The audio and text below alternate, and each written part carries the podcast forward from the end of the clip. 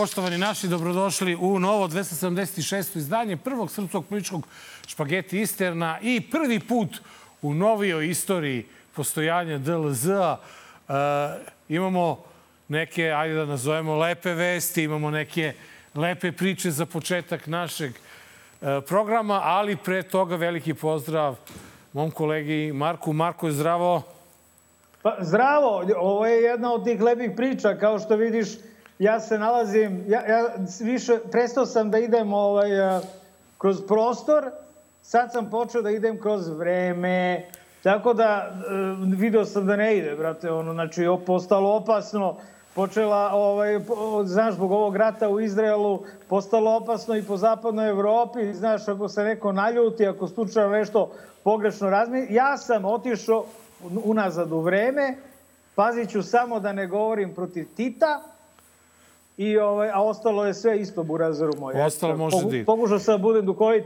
Jebi ga ona ovaj, a, a, bela ona pozadina dosadna pa... Pa malo bode znaš, oči, a- da. Ova jugoslovenska ovaj, a, emigracija na zapadu je tolika da bukvalno ako samo rukom prođeš i skineš, brate, jugo zastavu. Znači nisu normalni, majke. Da, mogu, mogu da ti ispričam jednu kratku anegdotu. Bio sam sad Ajde. na nekom putu kod nekih prijatelja u Nemačkoj i ovaj, vozimo se autobusom i e, a, a, vozač, šofer je Albanac iz e, Ferizaja. Ja kažem mu Roševac. O, da, kako znaš i krenemo tu priču i ulazi na sledećoj stanici neka mlada žena i krene s njom da priča albanski i samo u jednom trenutku ti razumeš srpski? Ona kaže ne. Kako bre ne razumeš srpski bre? Pa kako živjeli smo u istoj državi? I tako dalje. I sad krenuo čovjek da se ljuti na nju. Ona albanka mlađa, verovatno, pa nije nije ni učila srpski Pa jezik. je Tako da apsolutno razumem, razumem tu jugoslovensku emigraciju koja a, i dalje živi u tom nekom svom oblaku tamo gde je lepo. Tamo gde nije lepo, živimo ovako kako živimo, ali, Mare, ako se neko zalagao i borio od početka postojanja DLZ, to smo bili mi. Da bude jedinstvena lista. Ja sam rekao, E, ja, ja. Nenade, Ne. budi, ne, Nenade, budi pošten. I lepo Ja sam- reci. ja ne, sam- Šta, šta si ti reći? Ja sam samo ostavljao mogućnost da ako matematika pokaže da se ide na više lista, prihvatit ću to kao rešenje. Znači, ostavio sam to mogućnost. Ali nije da se nisam zalagao za jednu listu i seti se početaka. Znači, nisi samo ti. Svi smo se zalagali, DLZ se zalagao za jednu listu i e, eto, dobi smo tu listu koju smo tražili. Dobro, ajde, ajde u redu. DLZ se zalagao, ti si sve vreme pričao isto što i ja. Da ne pričam sada gledalcima kakvi su bili naši razgovori, apropo te jedne liste telefonske, nisi ti Šapić, pa da sad prepričavam Razgovor. naše, naše telefonske razgovore. Evo, usvojit ću ovaj, e, to što si rekao, jer sam dobre volje. DLZ se od samog početka zalagala za jednu demokratsku opozicijonu listu. I konačno smo je dobili.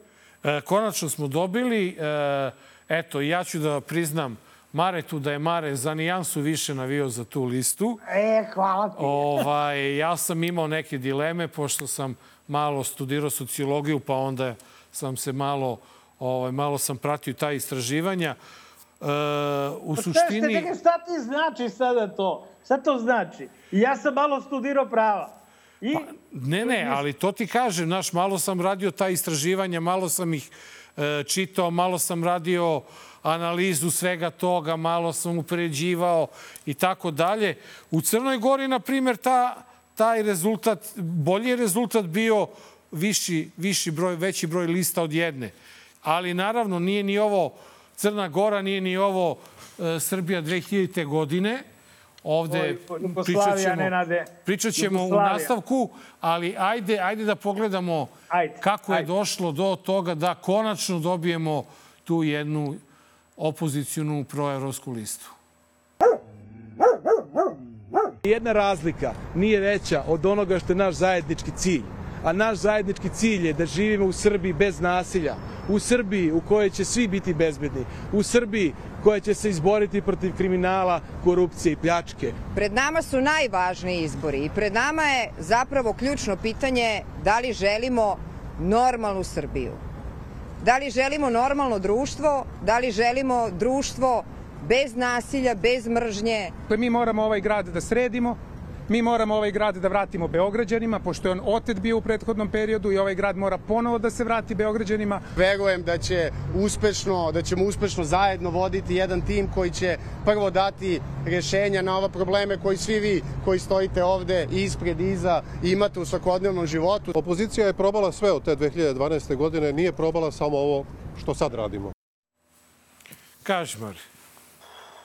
Uh, čestitke nemamo, dakle, nemamo želje, niti bilo kakve logike da bilo šta prigovaramo opoziciji više, jer sad ulazimo u jedan e, period u kome, dakle, je prošlo ono, mogli su, najviše što su mogli, oni su se ujedinili.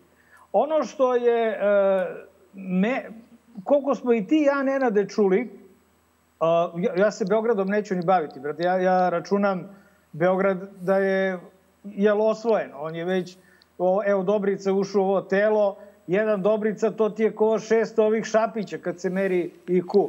Tako čekaj, da... čekaj, izvini, izvini, nije samo Dobrica, nego je ušao, ušao i kandidat za gradonačelnika jedinstvene liste. Čoveče, pa to je ko 60 šapića kad se poredi u... u... Da, da, ima dva, dva člana. E, Ovaj, dakle, već privremeno telo funkcioniše, sad će naš drug Šapić da im pokaže, kaže, ovde je semafor, ovde je tramvaj, neki put ne radi semafor, šta, skucanje ti to, oni kažu, dobro, dobro, samo mi za semafor, ali šta ćemo sa ovim infrastrukturnim projektima, oni pita, šta, će sad vas prebijem, sad vi napadate moju porodicu, tako izgleda rad tog ovaj privremenog tela. O Beogradu ne bih govorio. Uh, ono što smo i ti ja čuli, to je da ova uh, koalicija računa na nekih uh, 70 mandata u Skupštini. To, uh, mislim da to nije ni tajna, zato što su se oko 70 nekog uh, i, i uh, vodile bitke uh, ko će ući, ko neće ući na listu. Uh, da, da kažem da je to okej, okay, da podsjetim da je uh, Vuk Jeremić pred izbore 2022.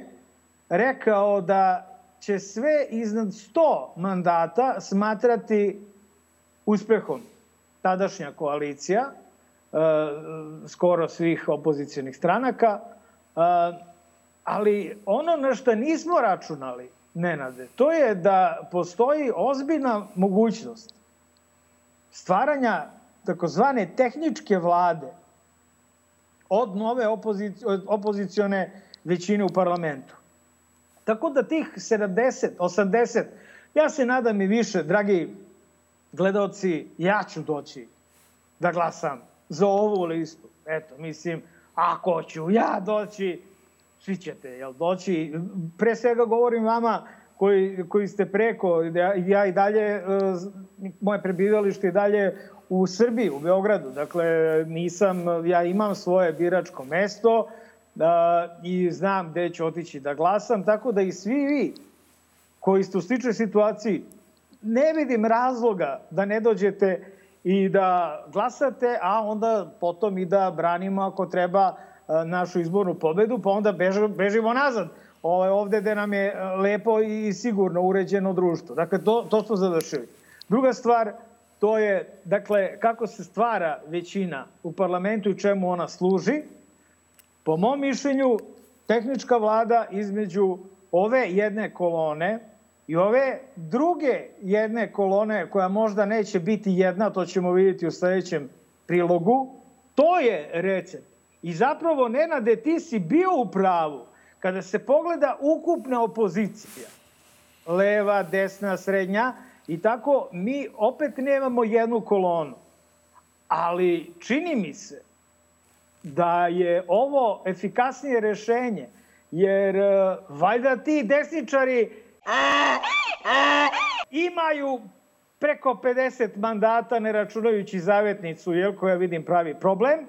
Ove, I valjda ćemo moći da dobijemo tu tehničku vladu koja će jedini zadatak biti oslobađanje medija i pravljanje preduslova za nove izbore. Dakle, kad se sve sabere, mi imamo za koga da glasamo, ali imamo i čemu posle da se nadamo. Nenade, šta ti misliš? E, ja mislim ovako, apsolutno se slažem sa, sa ovom, ovom tvojom i računicom i sve što si rekao, samo teo bi još malo dodatno da dam vetar u leđa ovoj opozicijonoj listi koja je formirana. E, mnogo mi se sviđa ta, e, ovo što se dešava, što su već izašli sa konkretnim imenima, što su izašli sa time da e, e, imaju kandidata za gradonačelnika Beograda, izašli su sa nosiocima liste. Pa ja ne znam ko je bre taj lik. Ali Vladimir, Vladimir Obradović je čovek koji je ja profesor... Ko je Boško Obradović. Boško profesor, Obradović. profesor je na Fakultetu organizacijonih nauka i e, kažu da je jedan od prvih e, sa Fakulteta organizacijonih nauka koji je pokrenuo pitanje lažnog doktorata Siniše Malog. Prva stvar. Druga stvar, u svom prvom javnom nastupu kao kandidat, on je rekao i obećao da će sačuvati sajam, što je već samo po sebi dovoljan ovaj e, dovoljan preduslov kao i što je rekao da će pokušati dati sve od sebe da metro bude pravi metro, a ne metro za ljude koji žive u Beogradu na vodi. Znači, sviđa mi se što je opozicija izašla sa svim... Ono što mi se možda malo ne sviđa, ali rekao si nećemo, da nećemo o, o, tome. Ne, op, reci, reci. Ne, Ne, ne, ne, ne, znači ja, nikakva primetba, samo mislim... Sugestija. A?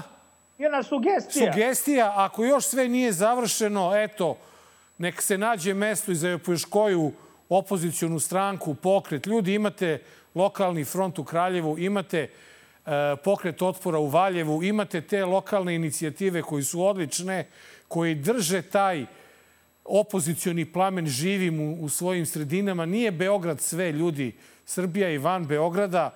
Tako Ne. da, eto, moj neki, ako ima uopšte ko da, da, da uzme to u razmišljanje. Ne, nema, ovaj, nema, veruj mi. Ovaj, Mislim, ja, ja bih shvatam rep- da mi nismo toliko ni bitni, ni relevantni. Ne, ve- veruj mi, evo ja ću ti čak replicirati.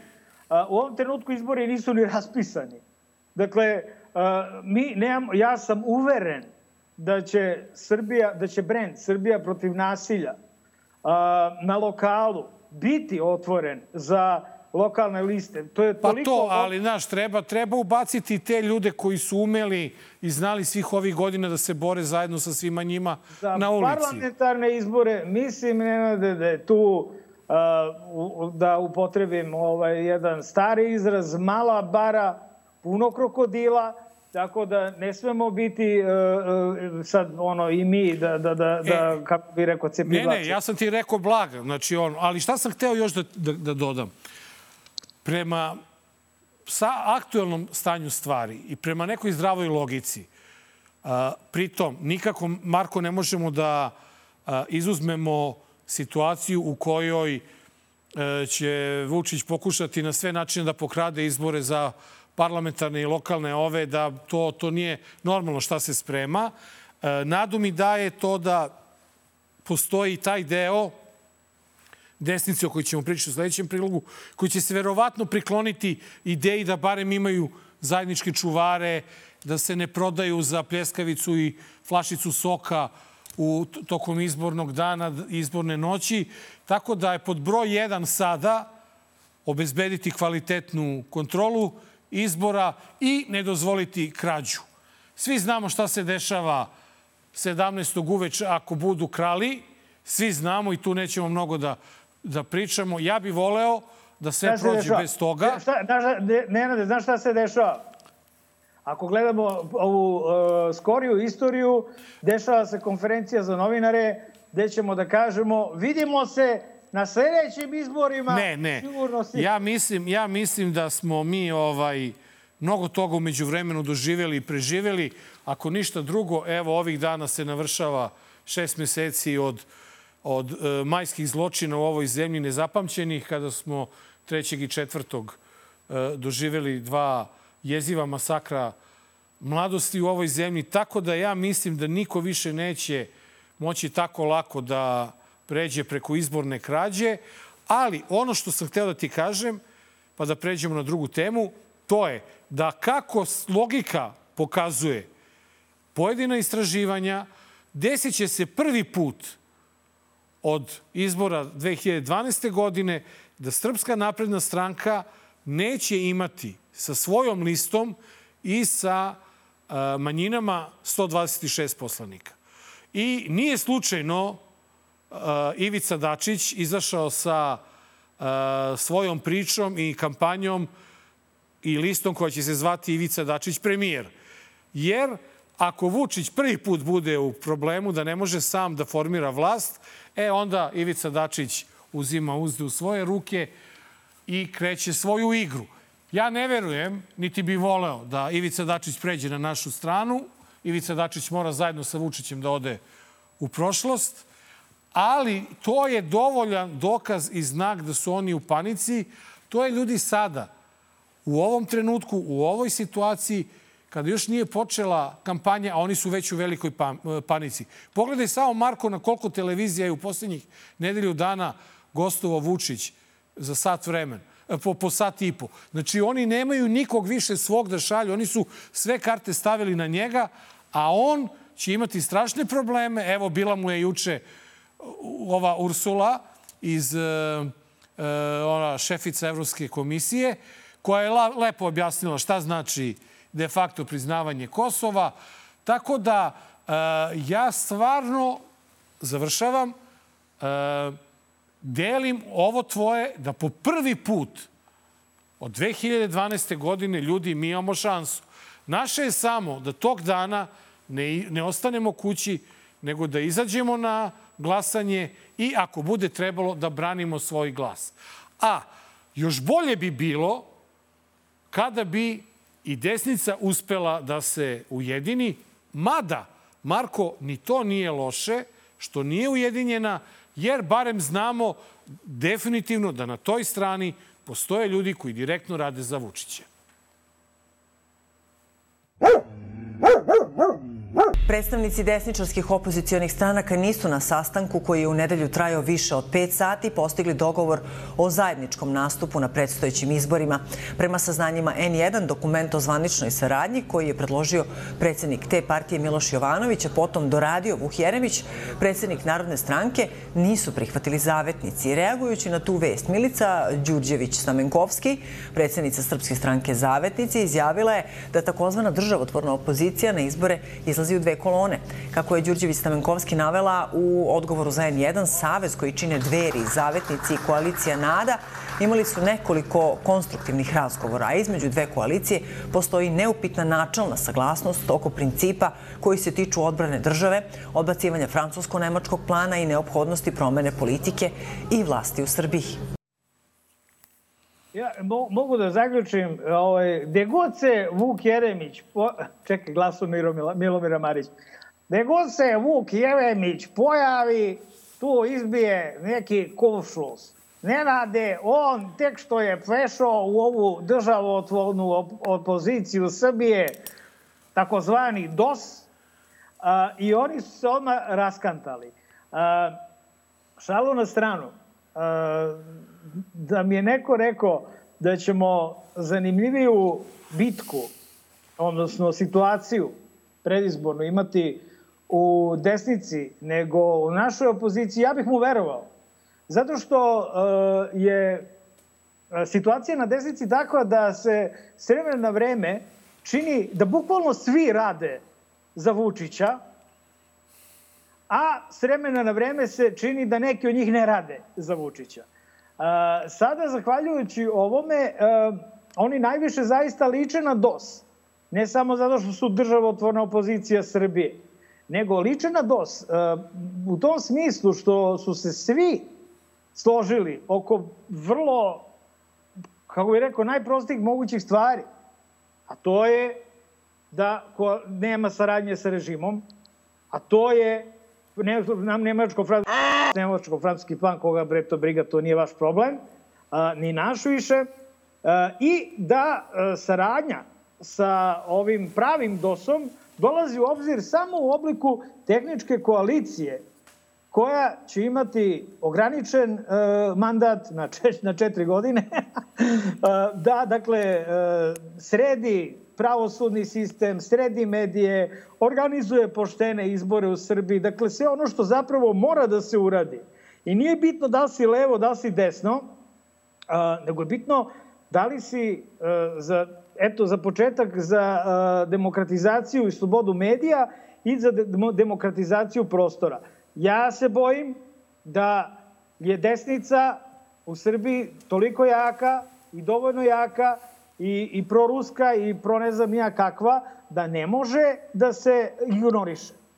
Ja mislim da, da, dakle, na tom nivou vraćanja demokratije u Srbiju treba računati na ujedinjenu desnicu, iako je ovo da oni idu dve kolone e, izrekla upravo e, Stamenkovski koja čini za sad jednu kolonu, a svi ostali čine drugu kolonu. Prema tome, e, treba sačekati kao i uvek u nezgodno vreme snimamo,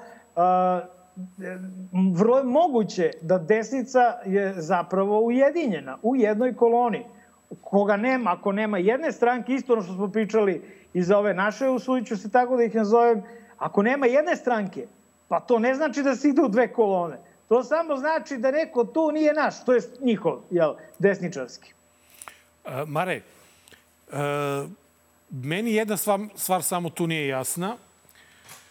Poznata je moja bolećivost prema Bošku Obradoviću, jel? Uh, Boško Obradović je neko koji je tokom protesta, proto je, je, protesta on je jedan naš. od 5 miliona... Nenade, on je naš! Skroz stavio svoju politiku sa strane i posvetio se toj priči pro, borbi protiv Vučića, a onda posle raspada toga svi su digli ruke od njega i on šta je mogao da krene da gusla, jel?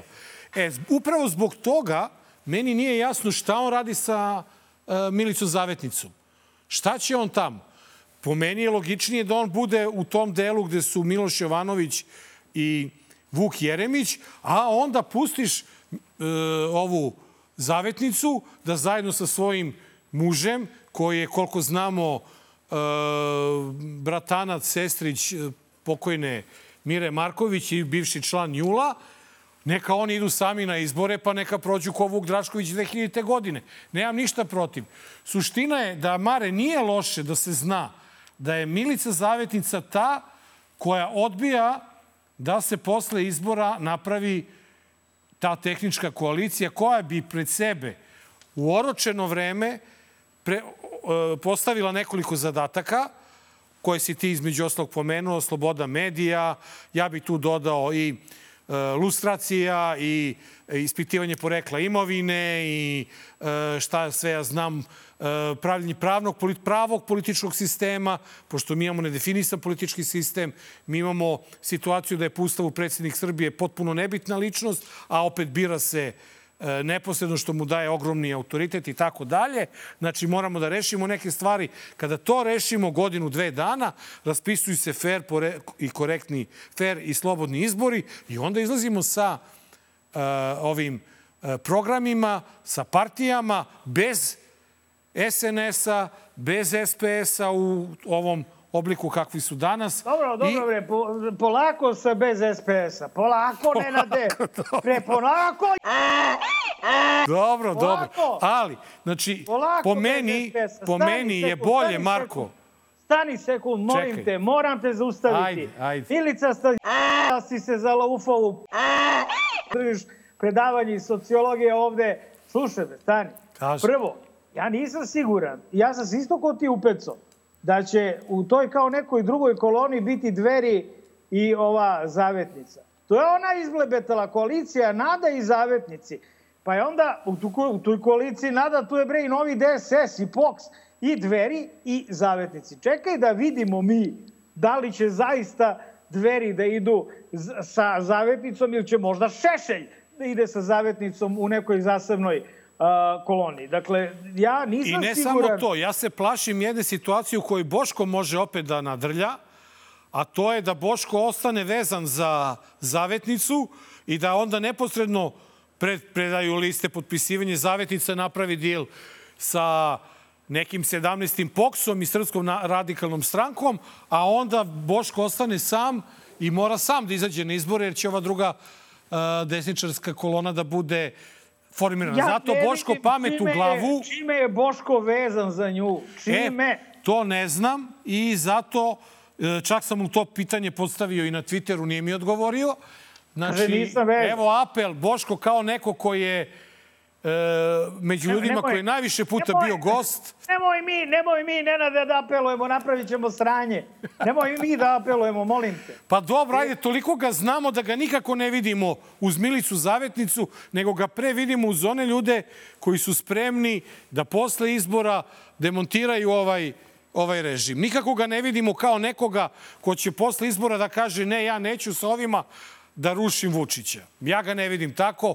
Izvinjavam se svim gledocima koje možda ovaj moj stav iziritirao, ali ja se stvarno nadam da mi možemo jednom u 100 godina da napravimo, da pređemo taj, tu liniju i da napravimo nešto što bi svima nama trebalo da donese dobro.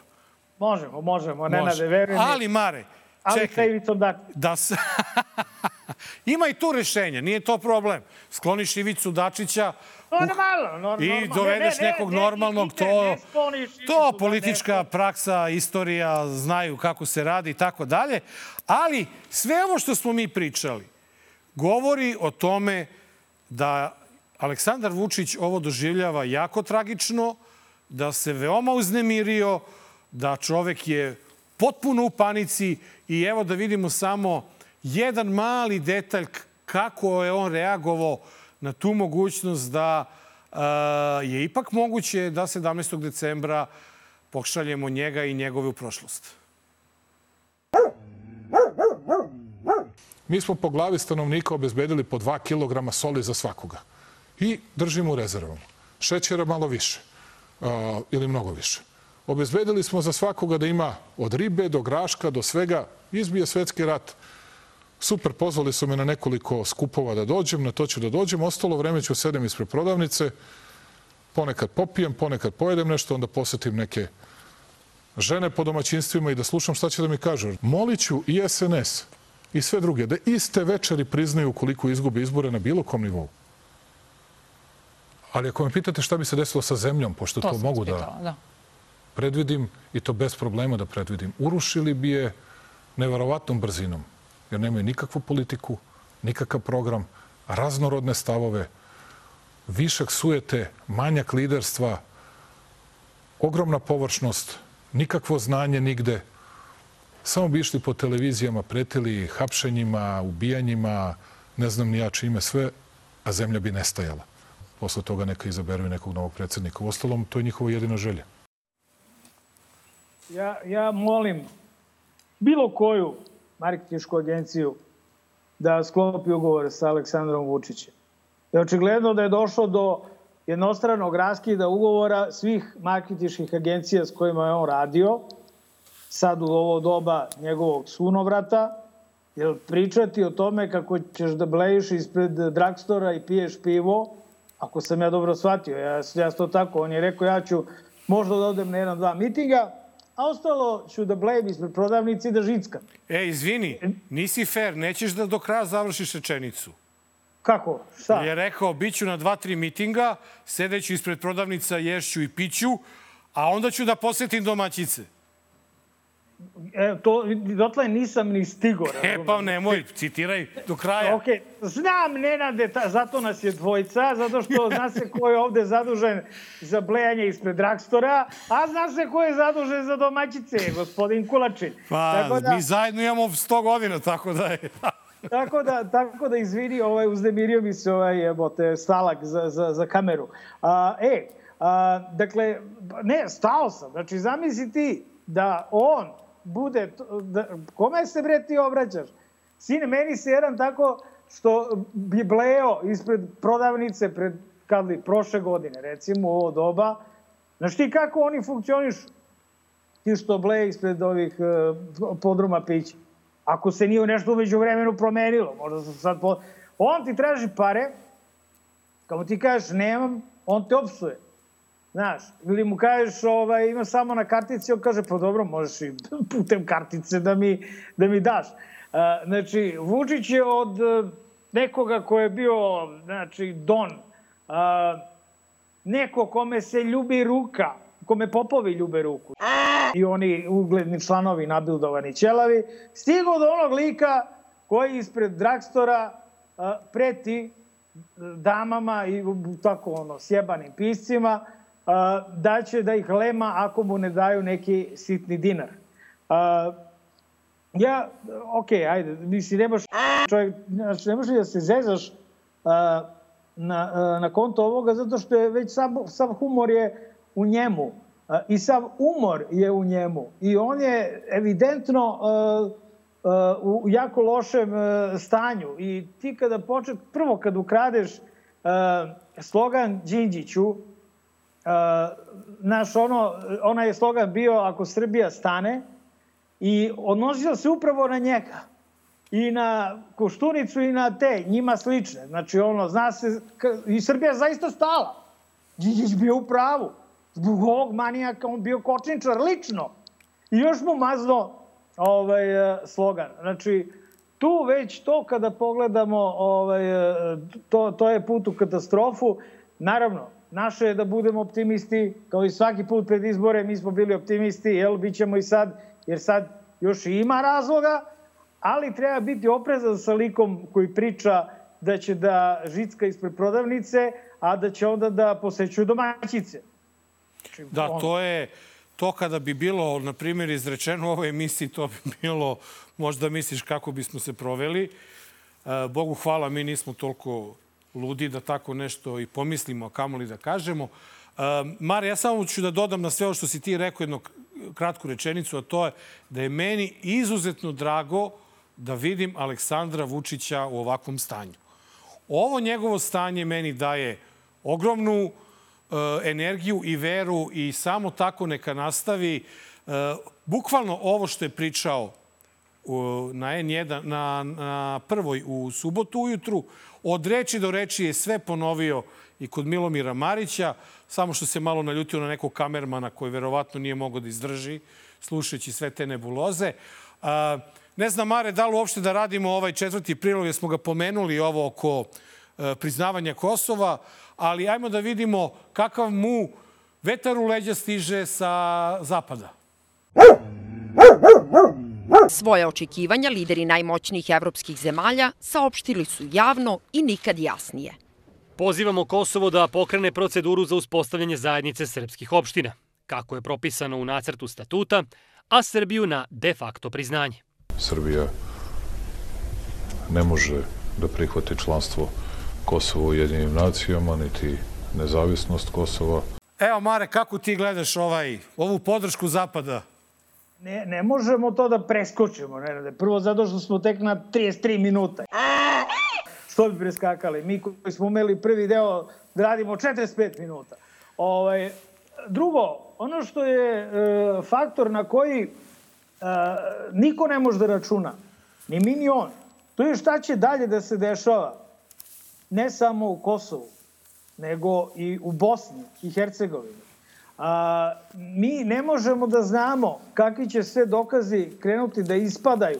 Viš da njemu afere iskaču ovako iza svakog ćoška. Mi ne, a da se ne lažemo, zna se ko to pušta. Mislim, to puštaju njegovi bivši drugari sa zapada. Dakle, do izbora, ko zna šta će još da se desi. Pritisaka ne samo u vezi s Kosovom, ja mislim da će on ostati čvrst do kraja. Ja mislim da će on on, on je i sad jasno rekao, vi dođu iz Kvinte, on kaže nema potpisivanja, nema de facto priznanja, neće ga ni biti, sigurno, on, on nije lud da de facto prizna Kosovo pre izbora. Dakle, misliš, šta ono, kao, jel, jel treba da dobije 20% na izborima, pa da bude skroz dosadno. Dakle, to se neće desiti, kao što se nije do sad ni desilo.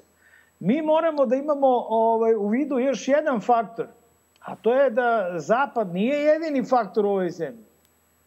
E, tu je ruski faktor. Ruski faktor ima sigurno dobre veze i u ovom desnom delu opozicije, ali je ruski faktor dovoljno moćan da, znaš, pozove telefonom i da kaže tamo nekom, nemoj da ste dobili izbore.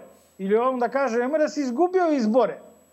Mi ne znamo koliko je, a, mi znamo, znamo koliko je zajeban ruski faktor i koliko je moćan, sve to znamo. Ne znamo odakle sve e, Aleksandru Vučiću stižu pritisci. Za sad deluje, posle slučaja, posle terorističkog napada u Banjskoj, deluje kao da se zaigrao i deluje kao da ga sada Zapad drži u šaci.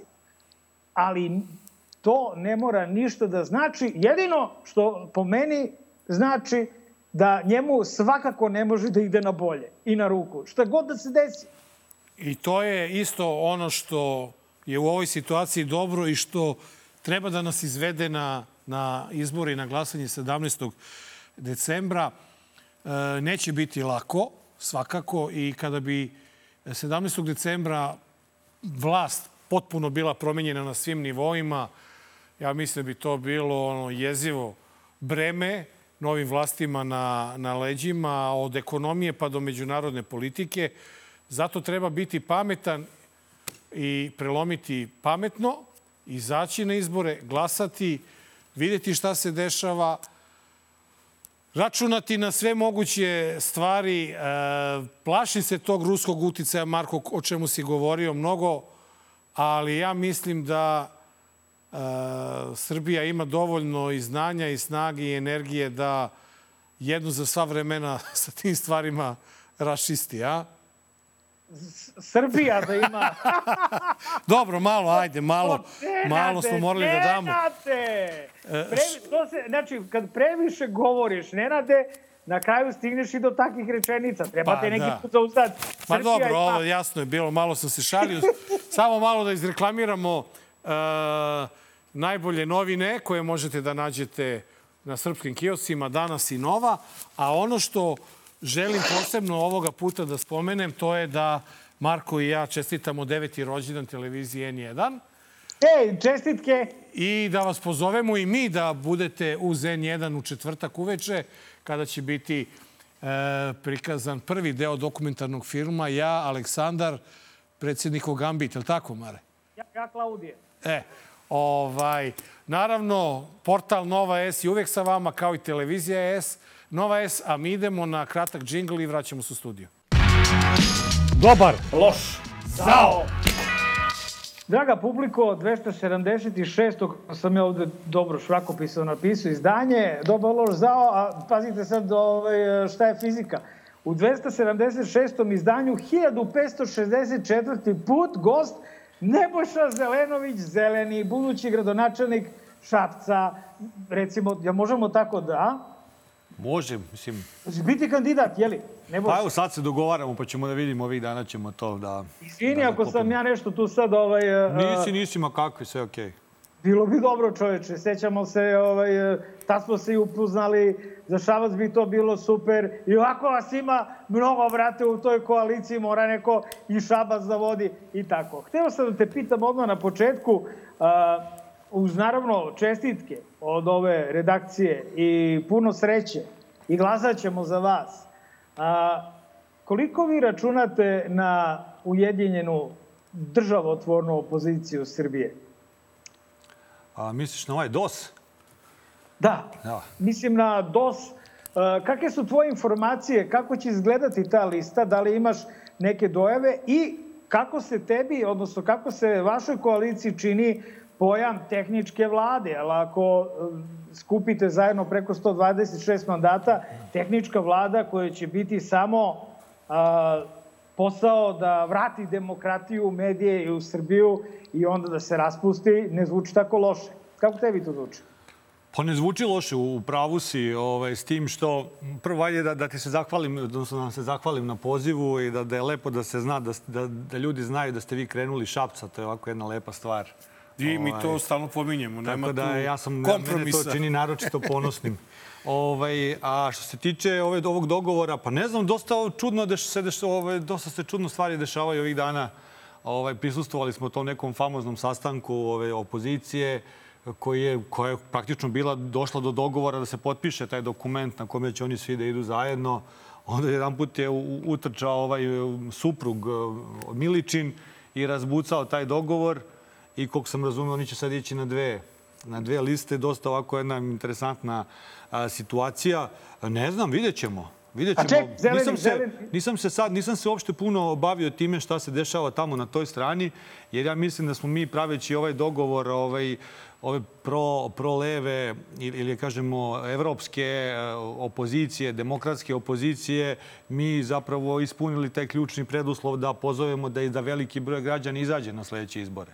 I da je to ono što je bila ključna stvar, ono što su građani zapravo najviše očekivali, da se desi grupisanje na onom polu gde zapravo može da se dobije veliki broj građana koji inače ne izlaze na izbore u poslednjim godinama jer su abstinencije jer ne veruju da pojedinačno usitnjene stranke mogu da donesu promenu. I evo, mi smo taj veliki korak učinili, to se sad desilo. Bilo bi dobro da se to desilo na ovoj desnoj strani, nije, ali bože moj, to je sad stvar u kojoj oni treba da, da razmišljaju. Ja mislim da smo mi time uradili takođe još dve važne stvari. Prvo, mislim da smo a, poslali jasnu poruku onima koji možda, možda ovo razjedinjavanje na desnom polu čini zainteresovani da ipak glasaju za onu grupaciju koja je jača, koja može brže da dovede do promene. To je jedna ovako važna stvar.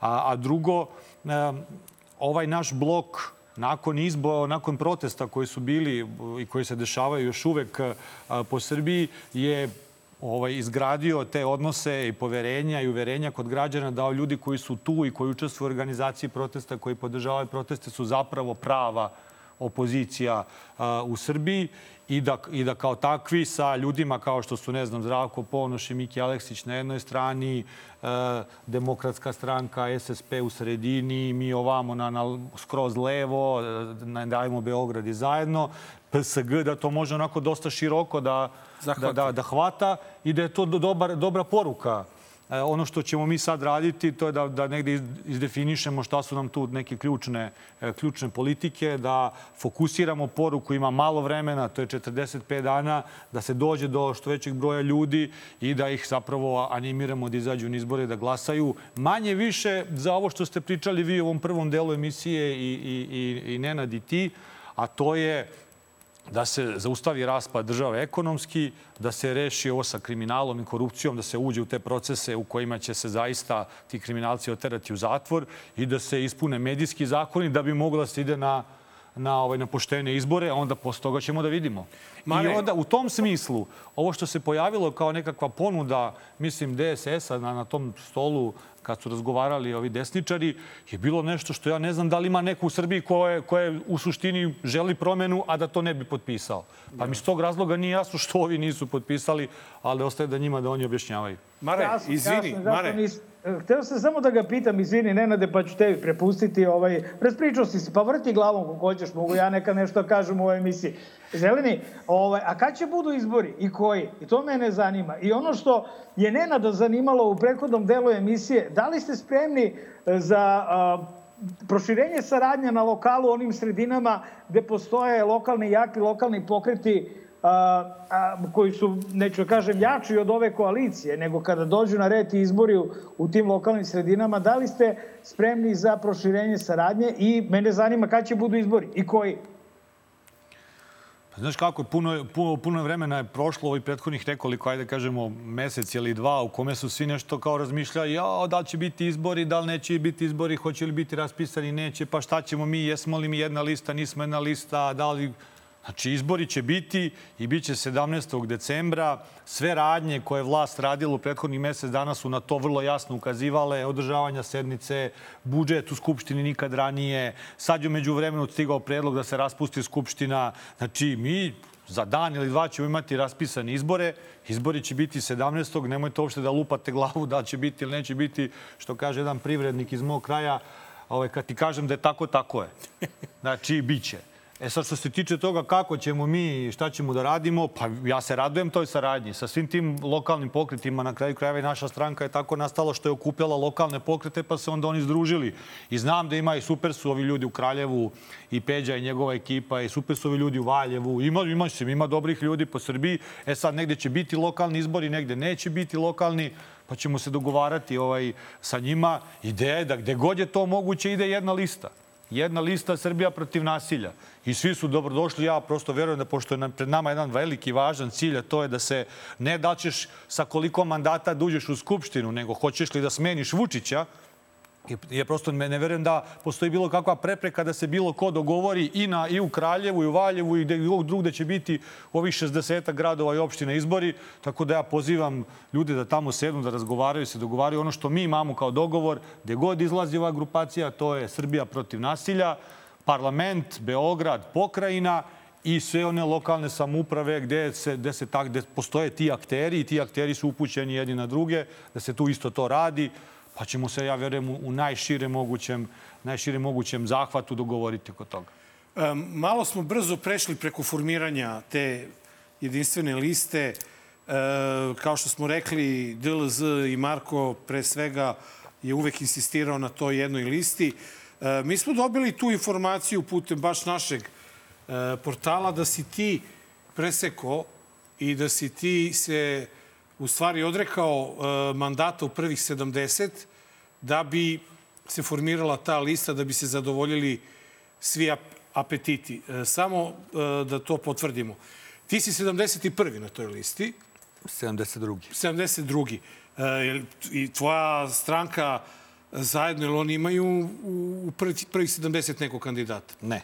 Ne. Znači, dakle, do, do, do, za, zašto, zašto si napravio taj taj e, e, iskorak, jer ti si jedini predsjednik stranke koji neće biti u tih famoznih prvih 70. E, da, zašto sam to uradio i zašto sam učinio stvari dosadnima. Odnosno, vi ste rekli da sad više nema svađe u, u da, pa, pa je sve dosadno, pa se, kako bi rekao, zanimacija prebacuje na ovu desnu stranu. Pa neko je mora to da uradi i drugo, ja sam zahvalan i svim kolegama koji su tamo zajedno sa nama bili, što su zapravo prihvatili tako, tako, takvu, jednu, takvu jednu postavku. Ono što je mene jedino interesovalo, to je da skratimo vreme. vreme sve što imamo od resursa, imamo samo vreme, nemamo. Znači, vreme nije naš, na našoj strani i morali smo što pre da napravimo taj dogovor. I sad zamislite da smo mi došli u situaciju u kojoj su se sad našli ovi desničari, pa još uvek nešto se kao dogovaraju, pa to nije sigurno. Prvo, ovo nije taj trenutak. Drugo, rekao sam, vremena nemamo. Mi smo to ponudili, drugi su prihvatili. Ja se svima zahvaljujem i ne bih dalje prosto trošio vreme na to. Naši članovi naše stranke, kandidati će se tamo po toj listi slagati od 72. mesta pa nagore. Mi verujemo u pobedu, verujemo da može da se dođe do više od, od trećine liste, tako da sam ja siguran da i oni koji su, koji su dosta kako bih rekao, uvereni u ovu stvar, neće ništa kalkulisati, da niko neće ništa kalkulisati, da ćemo ući svi otvoreno i zajednički u tu borbu. Dobro da smo se dogovorili, dobro je što, na primjer, Miki Aleksić je tu, bit će nosila liste na parlamentu i Marinika. Dobro je što su vlade i dobrice ljudi koji nose ovu beogradsku listu. Vidjet ćemo sad za pokrenu tačno ko, ko će biti tu ljudi koji su naj, naj ovaj, bolji da, da to urade. Ali vidite da postoji jedno, jedno kvalitetno dogovaranje, Ne, ali već je sve dogovoreno. To je ono što... Tako je i sad mi još ne trošimo više vreme na to. Ali vredi spomenuti, jer šta se dešavalo u prošlosti? U prošlosti se dešavalo, na primjer, da Dragan Đilas i Vuk Jeremić nisu bili kandidati e, za narodne poslanike, ali su njihovi ljudi bili na, na listama među prvih 10, prvih 20. Ovako, cela jedna stranka je sada van te projektovane cifre od 70 e, prvih 70 i to je nešto što treba ipak da se zna i da se po meni, važno je da se to spomeni, da, da se zna. E sada, ono što... E, hvala ti na tome. E, ono što je... E, uvek postoji to pitanje, dobro, a šta je, šta je za uzvrat dobijeno? Mm -hmm. Ti nisi pristao na to da li imaš neku, da li si dobio nešto? Da li je stranka zajedno dobila nešto drugo? Da li je to mesto kandidata za gradonačelnika Šapca? Da li je to Uh, ne, ne, ne. Pa nismo mi uopšte, znate, uopšte nisu stvari tako niti znači, izgledale. Znači, dotle je došlo si ti morao da kažeš, evo ljudi, ajde, aman, ne, zaman. Ne, nije čak ni dotle došlo, nego mi smo prosto imali problem sa potrošnjom vremena i bilo je važno da se to prekine i da uđemo u sledeće korake, a to su ovi tehnički, operativni, pravni, na kraju krajeva i ovo definisanje poruka kao politički ovaj, zahtevna stvar, što morate da, da setujete ponudu da bi mogli ljudi u kratkom vremenu da im tu ponuku prenesete i da oni to razumeju šta vi hoćete da uradite.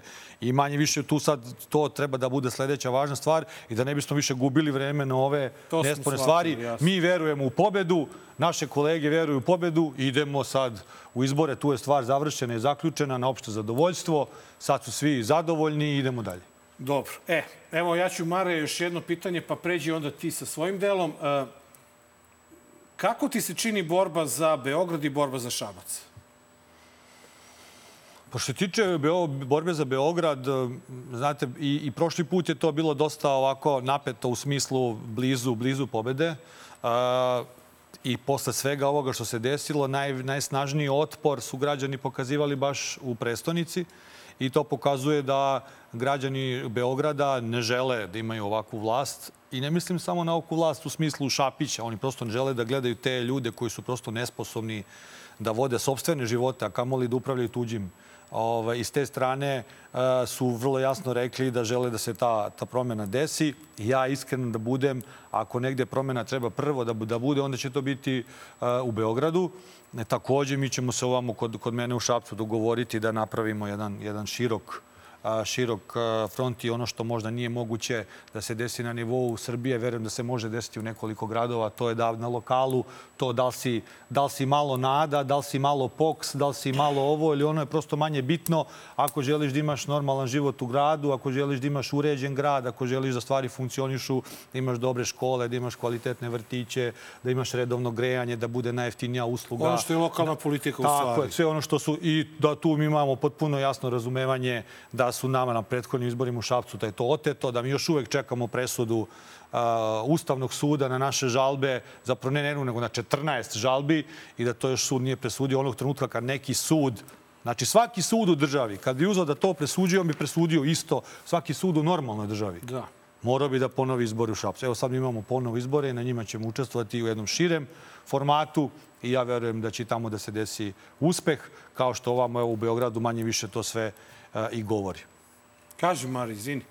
Hteo sam da pitam kako je strategija kada je reč o kontroli izbora. Dakle, da li je vaša koalicija sposobna sama da kontroliše izborni proces ili vam tu treba barem ovaj jedan antivučićevski deo ovih desničara, tako da ta kontrola bude opšta, tako da kažem? A, Nijedna stranka u Srbiji koja, je, koja sebe naziva opozicijom u ovom trenutku nema kapacitet da sama ovaj, odradi tu kontrolu, a da ona bude kako valja. I zato je važno da se udružuju stranke. I ovo što smo mi sad uradili kao taj, taj jedinstvena lista Srbija protiv nasilja, sad imamo kapacitet. Dakle, sad mi imamo kapacitet da zatvorimo 8200 biračkih mesta Neki, neke stranke nemaju odbore u svim opštinama, neke druge imaju tamo da ove prve nemaju. Dakle, sve će se to iskoordinirati i to je jako važno da se, da se sad desi. Tako da što se tiče kontrole, a, važno je da ljudi znaju da ćemo mi imati u najvećem delu u najvećem delu Srbije, osim u, neku, u recimo 50 opština u centralnoj Srbiji ćemo imati u suštini dva, dve vrste izbora. Imaćemo lokalne i parlamentarne, u Beogradu lokalne i, i, parlament, i ovamo vojvođanske i parlamentarne. Znači imaćete svuda mogućnost da stavite bar naša lista minimum četiri čoveka da čuvaju tu, tu ovaj, ta mesta I nama je ideja, evo sad smo svi već krenuli u to, da se s tim ljudima napravi dobra jedna priprema. U ovom trenutku zaklapamo i taj izborni štab, ko tu šta treba da radi. U tom štabu postoje neke četiri segmenta. Taj jedan segment je ključan, zove se kontrola izbora i u njemu ćemo imati po prvi put nešto što nismo imali do sada. Dakle, imat ćemo deo koji je isključivo taj stranački u kome provereni ljudi obučeni to rade, a ćemo imati jedan deo koji je praktično ekspertski vanstranački, od ljudi koji prosto treba da ukažu na svaku grešku od procesu, ali ne tako da to izgleda kao da se žali da se žali neka stranka na nek, da je neko pravo povređeno, nego od strane eksperata utvrđena povreda biračkog prava svih građana od strane nekog organa ili neke stranke. To je neka varijanta duple kontrole. Ovdje. Tako je. To je dupla kontrola. Ona treba da posluži da tako jedno telo potpuno opterećeno bilo kakvog političkog pritiska komunicira sa organima, ali i sa međunarodnom javnošću koja će poslati kontrolore sad na, na izbore, sa OEPS-om, sa ODIR-om i da, da isprati proces od početka do kraja, dakle od raspisivanja do prikupljanja potpisa, pritiska ili ne pritiska, pojavljivanja u medijima do samog izbornog dana i da kroz čita taj proces pravi jedan, jedan, e, jedan ovaj, da kažemo, dosije izbora koji treba da se drže 17. decembra i da onda pokaže kako to izgleda, ali dokumentovano, sa dokazima, e, sa proverama i sa, pri čemu se neće stvari, kako bih rekao, neće se ocenjivati na kraju procesa, nego tokom čitavog procesa i ja zato mislim da je to jedna važna novina i pozivam i građane koje evo, pokazuju interesovanje u velikom broju da izlađu, izađu na te izbore, ali da sačuvaju, sačuvaju glasove, da se prijavljuju. Sve stranke su dale svoje, svoje ovaj, informacije, odnosno svoje platforme na kojima se ljudi mogu prijaviti. Pored toga svaka stranka ima neke svoje sigurne čuvare. Dakle, da, da se napravi jedan dobar tim i da se zatvori svako biračko mesto, da se uspostavi komunikacija, a da onda ova dva tela imaju i pregled nad čitavom igrom kako bi mogli da imamo sačuvan izborni proces onoliko koliko je to moguće. Naravno da to nije kod nas je bar poznato to od, od kad, su, od kad je Vučić došao ovde, nikad to nije bilo kako treba. Htio ali... sam da pitam ovaj još jednu stvar. Postoji nešto što se zove exit polls i što se koristi masovno u zapadnim demokratijama, a to je da kada dakle, određena agencija a, prikuplja a, a, prikuplja dakle odmah po izlasku sa birališta stavove ko je za koga zapravo glasao. Tako dobijamo odmah rezultate izbora i na taj preliminarne rezultate koji su vrlo često dosta, dosta približni onim stvarnim rezultatima. Da li je, zašto to nikada u Srbiji nije pokušano da se radi? Pa, nemam odgovor na to pitanje. Moje prvo učestvovanje u nekakvim izborima je bilo prošle godine sa koalicijom Moramo. Tad smo pokušali nešto novo, dakle naša stranka i stranka Zeleno Levi front, tada ne dajemo Beograd i nismo mi do kraja zadovoljni kako je to sve izgledalo, pa smo tad krenuli da unapređujemo stvari tehnički u skladu sa ovim vremenom i, i resursima koje ove moderne tehnologije omogućavaju. I sad mislim da smo malo tu ovaj, napravili jedan iskorak, pričat ćemo o tome. Mi ćemo, evo već imamo ovaj, uh, i, razgovore oko toga kako ćemo doći do određenih aplikacija koje će nam omogućiti upravo ovo što si ti sad rekao kako da se dođe prvo do, to kažem, nekakvog nezavisnog brojanja, ali onog javljanja tokom dana na, na, na svakom biračkom mestu, pa ćemo pravovremeno ćemo i javnost obaveštavati dakle, i o tome, ali to su sad neke, neki iskoraci koji mogu da se dese kada uh, imaš, uh, Marko, i, i nekakve resurse, kada imaš neki plan kako zaista želiš da se boriš, kada evo, dođeš i do, i do jedne liste. Dakle, uh, kada imaš puno malih aktera, oni prosto nemaju kapacitete da to urade samostalno. Ovako sad imaš jednog velikog aktera i on je sad sve svoje resurse ulaže u zajedničku borbu i onda sam siguran da će taj proces biti mnogo bolji. A Nebojša, kaži mi, koliko ste vi svi uopšte spremni za vođenje države? za preuzimanje odgovornosti da u ovakvoj situaciji kada Vučić ostavlja haos potpuni za sobom, u svakom smislu da preuzmete vođenje države? Znaš kako, ja sam dosta pričao o tome sa, sa ljudima koji su, da kažem, stručnjaci u svojim oblastima, oblasti pravosuđa, prvenstveno u oblasti ekonomije, a, a onda i u ovim stvarima kako sad ti ureda, urediš medije, pripremiš državu za neke sledeće izbore. Dakle, i svi su oni potpuno svesni da je ovo sve razoreno, ali isto tako ima značajan broj njih koji, ljudi koji žele da se bore. Dakle, žele da ulože svoje, svoje znanja i svoje kapacitete u tu borbu.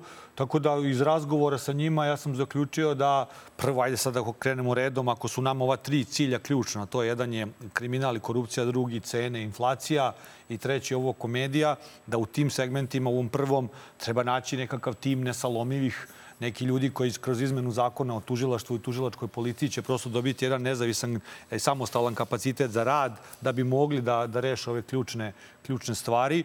E, tu pričali smo, to je i zakon o lustraciji i postoji zakon o poreklu imovine, već međutim on se ne primenjuje. Ne primenjuje, da, da, da to je tačno. I ja sam ponudio na zadnjem protestu kad sam razgovarao, kad smo pričali, ja sam ponudio da zakon o poreklu imovine ne krene od naprednjaka, nego da krene od nas krene od mene. Evo ja se nudim da prvo mene provere sve, pa da onda provere sve lidere u opoziciji, pa tek onda da provere sve naprednjake i da onda taj tim, prosto da imamo samostalno tužilaštvo koje radi svoj posao u skladu sa zakonom. Da bi se to desilo, neki ljudi koji uđu tu moraju da budu apsolutno zaštićeni i ovaj, spremni i čvrsti da se izbore sa tim, tim zahtevima. Što se tiče ekonomije, postoje razni modeli kako se zaustavlja inflacija. Prvo i osnovno je da nemate više tajne ugovore, to kad ti vidiš da smo mi spremni, pa ja sam te stvari već radio i ko ne veruje može dođi da proveri tamo u Šapcu. To je jedini grad koji ima uspostavljen sistem finansijskog upravljanja i kontrole, a sistem finansijskog upravljanja i kontrole zapravo je i sistem javnog učestvovana građanja u trošenju novca. To znači svako može da proveri gde se troši novac u svakom trenutku. I kad to imaš, a bez toga ne može niko da ide u Evropsku uniju, od nekih, hajde da kažemo, 8000 javnih entiteta u Srbiji. Samo samo u Šapcu imaš uh, sistem koji uveo finansijsku upravljanje i kontrolu. Da. I niko drugi nije. Ali... Dakle, ako to uvedeš, ako učiniš javne nabavke javnim, ako dođeš do zaista cena po kojima se neke stvari rade, ti ćeš uspeti da smanjiš veliku potrošnju koja indiku, ind, veliku ovaj, potrošnju javnu koja indukuje veliku inflaciju, moći ćeš da oboriš i cene ovih energenata, moći ćeš da taj novac preusmeriš u poljoprivredu, u, u bazičnu proizvodnju hrane, da bi mogo da oboriš cene u prodavnicama, prosto može možeš da obuzdaš inflaciju. Mislim, ja ne znam, pričamo o običnim stvarima, to je jednostavno. Možda, znači, koja to država ne može se izbori bre Marko sa svinskom kugom? Mislim, imali ovde problem, nemaš proizvodnju, domaću proizvodnju svinja, da, pre neki zbog dan svinjske te... kuge. Da se razumijemo, to nije ništa, to je, to je glupost. Pre neki dan to je stvar koja se obuzda, razreši par nedelja, gotova stvar, ide se, onda se da, ukumpa da. novac, ide se u novu proizvodnju hrane. Nije Ali, to nikakva, šta se teo, šta, šta, šta kako bi rekao, svemirska se, tehnologija. Čega sam se setio? E, ono što meni nije jasno, to kako ti nisi uhapšen? Evo, tri godine su naprednjaci na vlasti u Šapcu i tamo su nam stalno govorili Nebojša Lopove vikali i tako dalje. Čak su ono pretili da će, da je znam, i oni ni Savu da tebe puste kao što i neki drugi govore. Ovaj, kako to da te nisu uhapsili, a prema njima, po, po njima ti si ne lopov, nego lopovčina? Pa to je zato što oni ljudi lažu. Pa ne, ne, ja se to meni nego... Naša, i mi smo imali pre neki dan raspravu u parlamentu i baš je bio Bata Gašić. I Bata Gašić je rekao, nešto mi je pretio, kao znamo mi već šta. Ja sam pitao, u čemu je problem? Ako znate, kogod ima, šta god ima, kakva god saznanja ima, slobodno, evo, da se vidi šta je, pošto su oni mene pratili, prisluškivali dve godine i mene i moje kolege tad u Šapcu, i to je bilo 2000, mislim, 17. na 18. ili, ili tako nešto, nisam siguran, ali dve godine. Sad zamisli, koliko novca treba bi, koji je tad bio na čelu Gašić, da angažuje koliko ljudi, koliko sredstava, koliko tehnike, da dve godine prati neke ljude u tamo nekom šapcu. I ništa. I, pa da, Nema ništa. I onda napiše tamo taj sudija koji je naložio to sve, a to je interesantno uopšte kako je on čovjek to naložio. On je mene proglasio šefom organizovane kriminalne grupe koja šteti budžet Republike Srbije i radi za strance a od stranaca su naveli da radim za Norvešku ambasadu i za USAID i za British Aid. Možeš da. misliti. Mare, za ove, kako bih rekao, humanitarne organizacije. Mare, ili imaš još nešto da pitaš Ili imaš da pitaš, ajde pa ću ja, pošto imam neki, hoću nešto... Nego hoću samo da završim ovo. A zanimljivo nije ništa kad sam ga pitao, možeš, možeš, možete li vi, ministre Gašiću, da objasnite šta se desilo sa ovim uh, Vučkom, ovim žandarmom. Žandarmom koji je on policajac ili mafijaš, šta se on sad dešava? Je li pročito predsednik izveštaj onaj iz Nine, je li pročito onaj tekst ili nije pročito? Šta mu treba, koliko mu treba vremena pročita i to? On je samo ovako gledao u plafon ili u pod. Pre će biti u pod, on je stručnjak za pod. Ma, to su bre, foliranti najobičniji. Izvini, Htio sam samo kratko ovaj, da pitam šta je za tebe zeleni uspeh na ovim izborima? Koji broj poslanika za listu Srbija protiv nasilja? Za mene je uspeh da imamo više glasova od Srpske napredne stranke. I ja mislim da se tog trenutka sve menja. I ja mislim da je to moguće sad. Sami ili zajedno sa... Naša lista Srbija protiv nasilja da ima više glasova od Srpske napredne stranke i onda mi se svidelo ono što je rekao Marko, čuo sam ono polako bre, polako sa, sa SPS-om, polako sa ovim, sa ovim, polako, vidiš, evo si ja tu zvezda iza Marka ovde, ima sve. No, Marko je da, stari ovaj, Dačić je. pa da vidimo. Čekaj, ovde imamo, bre, imamo veliki problem. Problem se zove Srpska napredna stranka i treba da ga rešimo. Hajde da vidimo kako se rešava. Da. Evo, sad smo se... Bilo je, bilo je važno da se okupimo. Okupili smo se. Idemo na izbore, možemo da pobedimo u Beoradu, možemo da imamo više glasova a, na parlamentu. Hajde da probamo to da završimo. Pa kad to uradimo, e onda ćemo da vidimo šta kažu ovi drugi, što kažeš ti iz ove uh, antizapadne, Anti. uh, antizapadne koalicije ili grupacije, Boško i ovi ostali, ko se kome zavetovao, ko se nije zavetovao, da prosto razložimo stvari, da vidimo s kim mi radimo, s kim može da se radi. Tako da prvo da mi uradimo naš posao, pa ćemo onda sve ovo drugo. E, mene zanima, pošto smo imali slučaj sa Dejanom Bulatovićem, koji je bio potpredsednik najjače opozicione stranke u Srbiji i sad vidimo gde i šta je. Mene zanima da li postoji jedan, jedna jedina stvar zbog koje bi neko iz, e, sa liste Srbija e, protiv nasilja posle 17. pristao da e, uđe u neku vladu, na primjer, nacionalnog jedinstva sa Vučićem. Da li ti to ono aklimativno odbijaš ili možda i ti imaš sumnje neke? A ti mene pitaš, što ja verujem da je dosta onako razložno ovaj, pitanje, da li će neko da izda da. s ove naše strane? Pa ne verujem da bi se to moglo desiti, pogotovo ako ovi naši rezultati evo, budu... Evo, ajde da ne govorim. bude da izda. Da li ti vidiš i jedan nacionalni interes Srbije koji bi tebe naterao da 17. decembra uđeš u neku, neki saradnji sa Vučićem?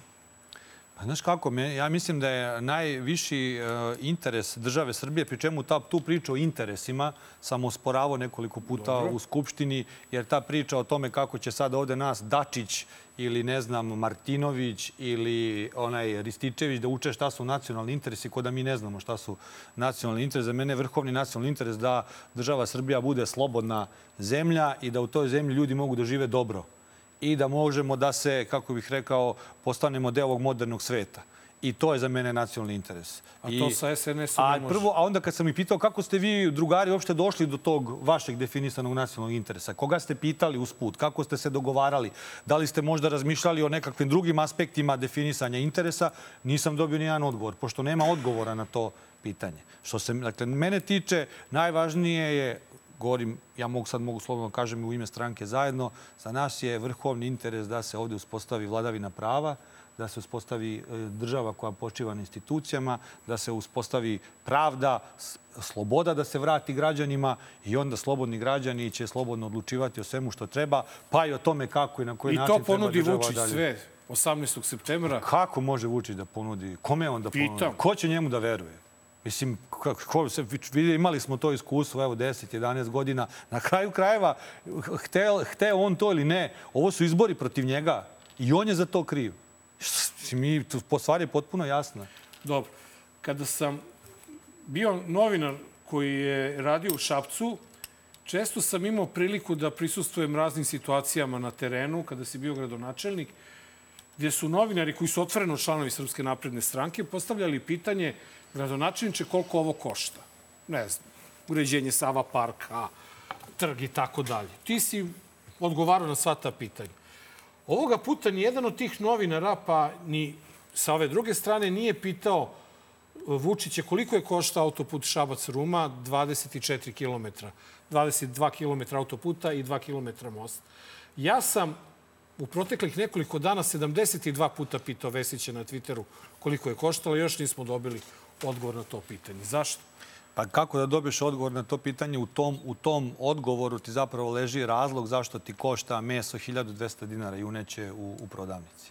U tom odgovoru ti leži razlog zašto, košta, zašto je gorivo najskuplje, zašto su seljaci propali. U tom odgovoru.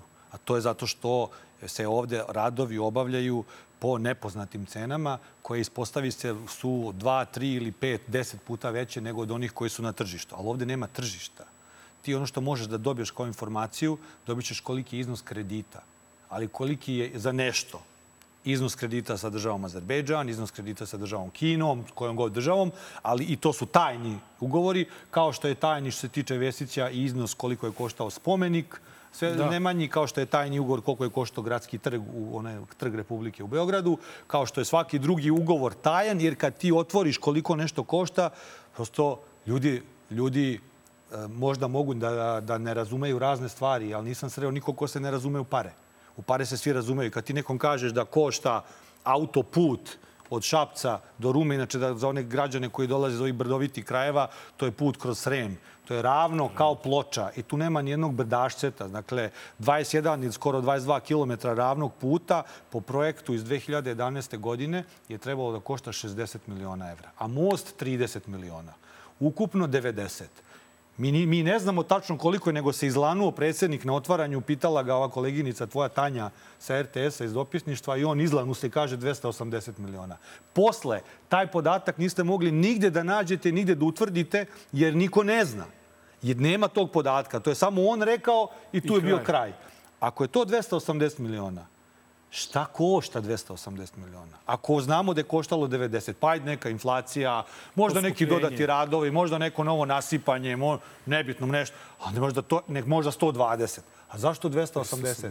E, zato što to košta 280, to znači da je 13 miliona evra po kilometru. E, Sad ti kažem, autoputevi koji se rade u regionu u Evropi se kreću od 3 do 5 miliona evra po kilometru. I to vi što idu preko, preko mora, ovi što idu kroz planine, što idu preko Alpa, a ovaj naš kroz ravnicu Sremsku, 13 miliona evra. I, I sad imamo problem da saznamo to. Evo sad ja kažem građanima, o tome ćete glasati 17. decembra. Da li će se otvoriti tajni ugovori i hoćemo li saznati zašto su koliko šta košta i ko je do toga doveo, da bi onda taj ko je to uradio mora da odgovara. Mare, Pa ja ne znam da da ga, da, da, da ga pitam, jer će on 15 minuta odgovarati, ali treba mi e, kratak i jasan odgovor. A to je da je ova vlast e, započela određene kapitalne projekte, e, Beograd na vodi, pogledajte koliki je, imamo taj Falš Expo, Metro. najavi, zbog koga se do, do, donosi uh, Lex, Lex Specialis. Uh, Dakle, uh, moje, mene zanima na, na novim vlastima, dakle, ako dođe do smene vlasti, kako vi gledate na te projekte od kojih su mnogi tajna, znači nemamo pojma šta se dešava. Možda ćete morati da nastavite da gradite uh, Beograd na vodi ili, otko znam, Expo, ovaj, 2027 da organizujete, pravite nacionalni stadion i ta, dobro, to znam da ne morate, šalim se, čitao sam zakon, tako da ono možete taj, ali ko zna šta ćete morati da nastavite? E, pa izvini što sam odužio malo s odgovorima, nemoj da se ljutiš. Ovaj, Nije da nego da i- on skratim. nas izbacuju, Ja uopšte ne bih... izbacuju nas za, za, za 17 minuta nas izbacuju napolje, nije zbog tebe. A, nego, znaš, od imamo bezveze. termin.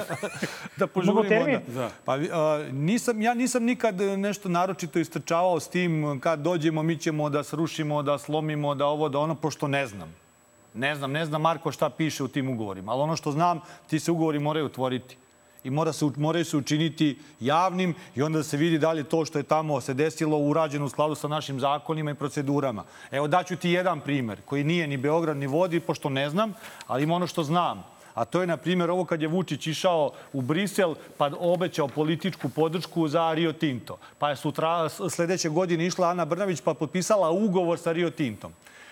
Po našim zakonima i međunarodnim propisima ne možeš da stvaraš obaveze za, po, znači za određene delove svoje teritorije, lokalnu samoupravu u smislu projekata, ako nemaš projekat.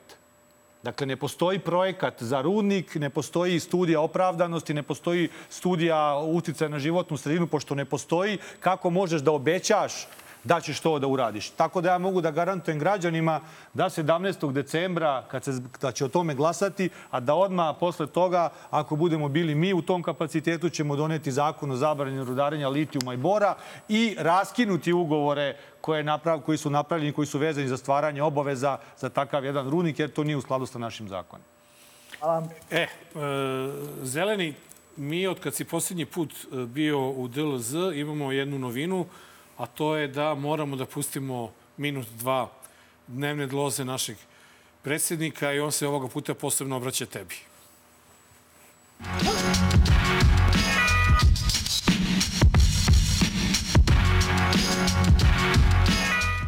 Vučić je mastermind.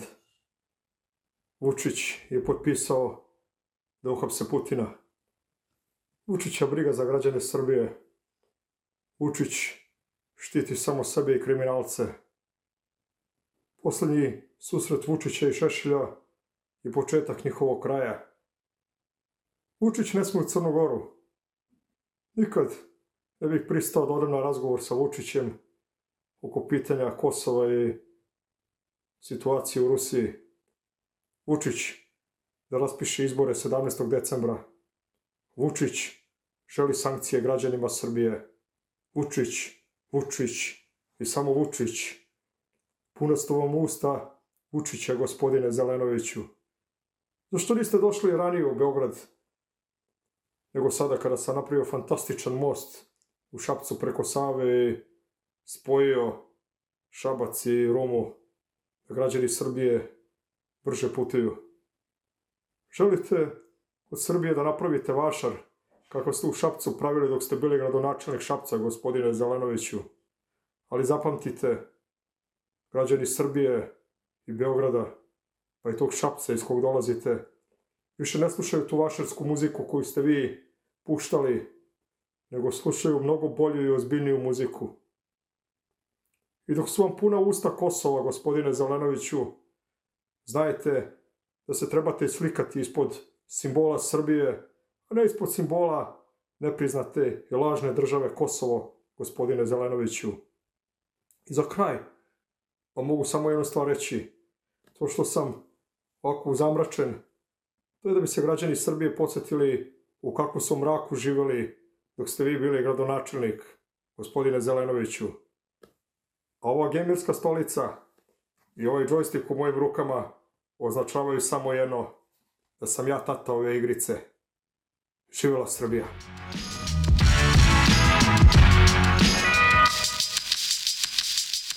E, evo nas u Magrećim kutku, DLZ 276. izdanje. E, hvala Vučiću na posebnom obraćanju u Dobar loš zao, a mi smo uspjeli Vučića da uhvatimo jednom i u istini. Uvek kada vidite da političari negde nešto petljaju oko dece, znajte samo da gledaju nekako da uzmu pare sebi, a da ne rade svoj uobičajeni posao.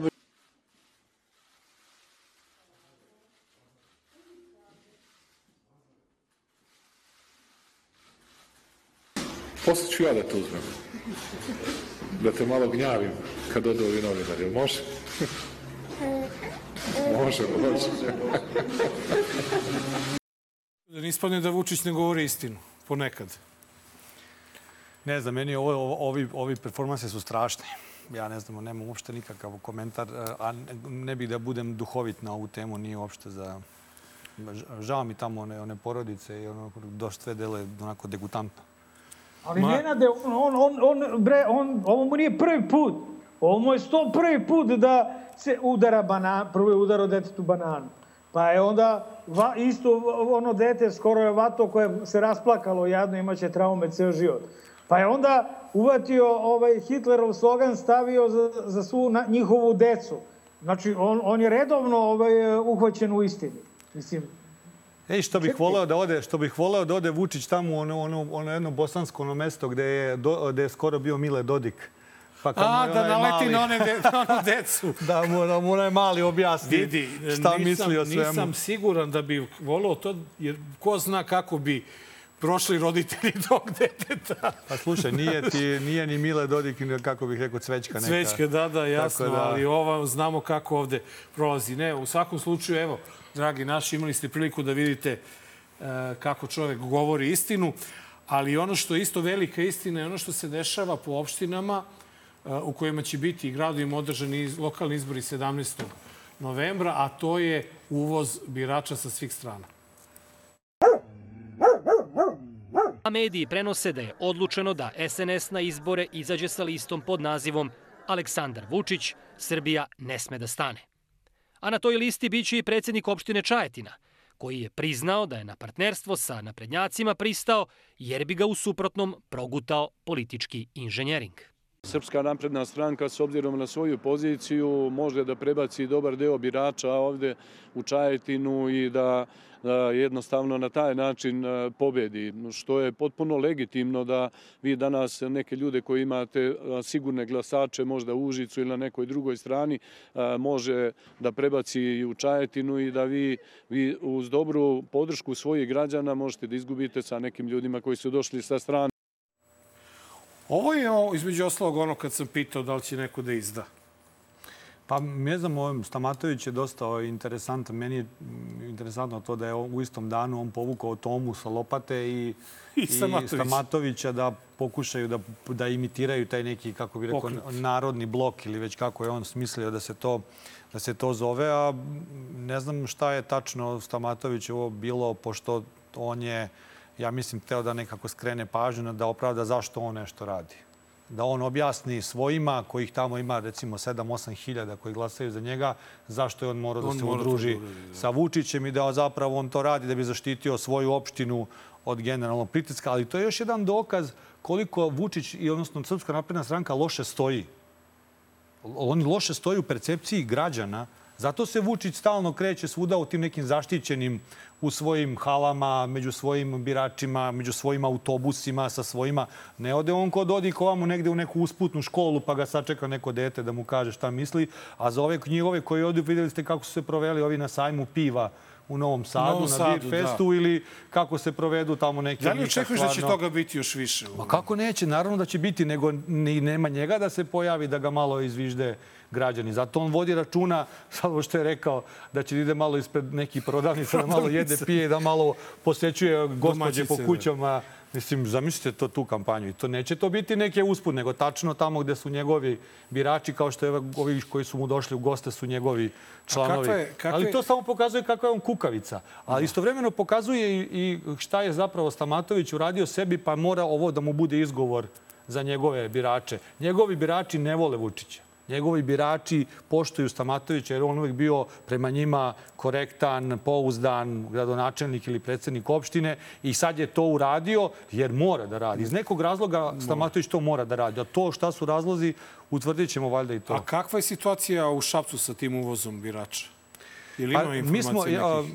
mi smo u dogovoru sa, sa nekoliko ovaj, nevladinih organizacija postavili zvanično pitanja kao poslanički klub ovaj, zajedno a, i drugi poslanički klubovi tražeći zvanične informacije kao poslanici od nadležnih tela da nam utvrde po gradovima ovaj, gde će biti izbori prvenstveno u Beogradu, pošto tu se priča da ima najveći uvoz e, fiktivnih, Fiktivnih birača, birača, da da. tačno mi utvrdimo. Ja očekujem da dobijem uskoro te informacije ili bar neku informaciju oko toga šta se dešava, da ne bude da pričamo na pamet. Jer svi su kao nešto sad, bit će ovo, doseljava se tamo, doseljava se vamo. Ja mogu da kažem e, građanima, dakle, trudit ćemo se da utvrdimo sve te stvari, ali čak i da, da nešto od toga i utvrdimo. Veliki broj građana, ako izađe na izbore u Beogradu, ja verujem da će izaći, kao što verujem da će izaći u Srbiji, to je, to je kraj za Pa u osnovi na prošlim izborima izašao veliki broj, tako da nemamo razloga da sumnjamo. Mare, mnogo mi je žao što nisi u, u Beogradu, jer da si u Beogradu mogo bi malo da zaradiš. Ali ne brini, ja sam spreman da, da zaradim za obojcu tako da ću ja da se zaletim po beogradskim kafićima i od albanske mafije da dobijam po 100 evrića pa delimo 50-50 ako se slažeš. E, evo da vidiš samo da se uputiš u e, problematiku kako doći do tih 100 evra. preko e, 3000 e, nazvaću i tako sad, špijuna koji će ući na ovaj prostor. Jedan od tih zadataka će biti upravo to lobiranje e, kod mladih putem e, na mestima, javne, ne samo društvenih mesta, nego na javnim okupljenjima, u kafićima, u restoranima, Aha. da ih lobiraju, da im pričaju te stvari, pa čak i da ih Da. potplaćuju u određenom smislu, kako postojeća također vlast nije dobro, kako treba rušiti glavnog čoveka. To je možda iznos koji bi iznosio negde po glasaču 100 evra, što je negde možda mali iznos, ali pazite, na, na 100.000 recimo glasača mladih u Beogradu, to je puta 100, to je 10 miliona, to je nikakav novac, da kažem, za nekoga ko želi da promeni određen, ovaj određen sistem. On, da, Oni hoće, što bi naš narod rekao, da ape klince, znači da uzmu decu. Kaže ova, oni hoće da ape klice. Mare, samo nisam ovaj, ukapirao. Nisam, nisam ukapirao da li dobijam za svaki kafić po 100 evra ili jednom pa si namiren. Ko je ovaj lik? E, ja ne znam, zaboravim se kako se zove, izvini, ali znam da je profesor doktor. I onda stiže i onda stiže Vučićeva kartica Studentska, studentima, da. studentima za vožnju. A je tebi ovo- službi i svega. Da, ali je tebi ovo dokaz panike ili ono, nečeg No, drugog? To su neki ljudi koji posećuju ove televizije po službenoj dužnosti ovaj, iz jutra u jutro, iz večeri u veče i pričaju manje više. To je neki 30 ljudi koji prosto samo se sele ovako čas u Ćirilici, ča, čas kod ove Jeremićke, čas ne znam ti ja gde i manje više pričaju svi iste, iste gluposti. I to valjda služi da ovim ljudima uveri kako je, kako je čitav svet podigao protiv Vučića i da pomognu da, da građani da spasu Vučića od ovih stranih službi a zapravo go iznoseći, na primjer, ovaj primjer o tome kako se podmićuju, recimo, po studenti kafićima. po kafićima i sve, on sutradan dođe Vučić i ponudi Studentske studentske kartice. kartice kao, eto, što rekli, to nije podmićivanje, to je Da. onako usput. Da, to je naročito, Mare, ne znam da li si čuo, penzioneri će imati pravo 10% popusta na avioletove Air Srbijom. U, fenomenalno. Evo, evo moji mama i tata se spremili, pakuju kofere. A, Mare, šta kažeš? A, za ovo poplaćivanje, pa ja Pa ne, da. ne znam, ja bih uh, radije da, da pitam, da iskoristiš što je zeleni tu, a, da, da, da ga i pitam nešto popuno nevezano za bilo koju temu, imamo još tri minuta. Ovaj, a to je, a, šta misliš, kako je a, teroristički napad u Banjskoj uticao na situaciju u kojoj se Vučić trenutno nalazi, kad je reč o, o međunarodnim odnosima? A, pa on je potpuno promenio sve. Dakle, ta situacija u kojoj tamo neki naoružani ljudi sa zoljama izađu na neki put i nešto pokušaju da urade, je potpuno promenio poziciju Vučića u, u regionalnoj i uopšte ovoj politici. A, I ono što sad ja mogu da ti kažem, što ja verujem da bi trebalo da kaže svako ko hoće ozbiljno da se bavi politikom, to je da ni Vučić, ni Srpska napredna stranka nisu faktori mira i stabilnosti na Balkanu, ali da Srbija jeste. I da Srbija to može da bude. I da će to i biti. Ali prosto ne može sa ovim ljudima. Mare, onda ovaj, ostaće nam četvrti prilog u Magarećem kutku neispričan, a to je situacija sa e, e, Aleksandrom Šapićem, ali e, ne moramo da ga gledamo. Bilo je u, u- u Borči neka scena.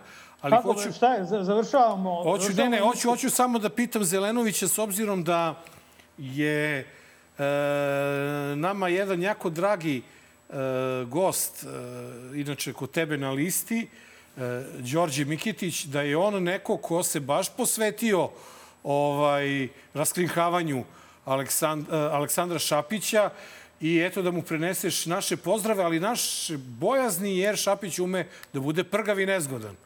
Da, da, da, da. Hoću, baš ću da razgovaram ovaj, sa Đorđem. Ne znam, ovaj, nije se do sad nešto puno ovaj, plašio, a ne verujem ni da hoće. Evo sad je ušli smo tu, mislim, neke nove, nove podatke postoje o tome kakav je zapravo Šapić ovaj, e, da kažemo, i čovek i kako to sve izgleda u njegovom privatnom životu. Tako da 17. decembra Beograđani imaju veliku priliku da se promeni stvar, da uđu neki neo, potpuno novi ljudi u politiku. Svi govore o novim licima. Vlada Obradović je novo lice. Dobrica se dokazuje kroz prošlu kampanju. Dobrica Veselinović. A, takođe Mila je, je jedna divna žena, vrlo veliki Iz profesionalac iz da. gradske uprave. A, Đorđe Miketić je dokazano taj borac, aktivista. Ima tu, to su sve mladi ljudi. To su sve ljudi, ajde da kažemo, neko, nekih 35, 40 godina, nešto malo više. Dakle, ljudi kažu hoćemo da vidimo nove ljude u politici. Evo ih nove ljude u politici. Zeleni, hvala puno što si bio puno sreće 17. Hvala. E, stvarno, e, dobili smo tu jedinstvenu listu o kojoj smo svi sanjali i maštali i sada je na vama da odradite vaš deo posla, a na nama da odradimo naš. Pozivam A, sve da dođu 17. da glasaju, ne glasaju kako god misle da treba. Da, još jedna važna stvar, ovaj put ćemo malo više u kampanju obratiti pažnju na dijasporu. Imaćemo poseban, posebno E, to ćemo je se za baviti Marka time. bitno, da. Za, nemoj otkrivati lokaciju. Ne, ne, ja samo pa u dijaspora je širok pojam. Da. Ja sam već, nije, nije, ovaj, e, nije zeleni stigo, ali ja sam već pozvao, ja sam rekao da ću ja lično da dođem, da ću da glasam, čak sam rekao i za koga ću da glasam, to je vaša lista, pozvao sve ostale, tako da ne moraš gubiš vreme. Ovaj, zeleni, hvala ti puno što si bio naš gost po 1244. put, dragi gledaoci. Ovo je bilo 276. izdanje Dobar loš zao. Sledeće srede u isto vreme, na istom mestu, jedini podcast po zaštitom međunarodnog pena, 20 sati, Nova RS i YouTube.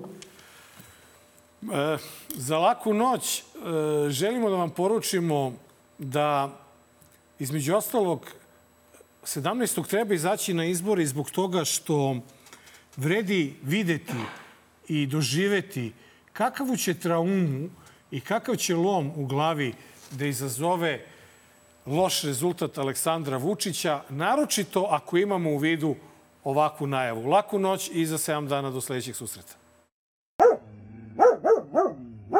Otvorite oči, vidimo se 17. novembra i glasat ćemo za jednu jedinu Srbiju koju imamo i ne damo da je unište. Živa Srbija! Punite uši, u najavi je pobeda kada uzme majk знање да проповедам Напушавам одреда. Свак фейк говеда шо величају лову. Која е проклета, клинци што се ложе на Пријапе болида, кој у исто време не мож хода и да прича Систем вредности ништа, као и у видла Па се подају, пуцавају за поштовање стрита. Муда су до неба, јер ту е екипа. Очи се доказују, кој е веќи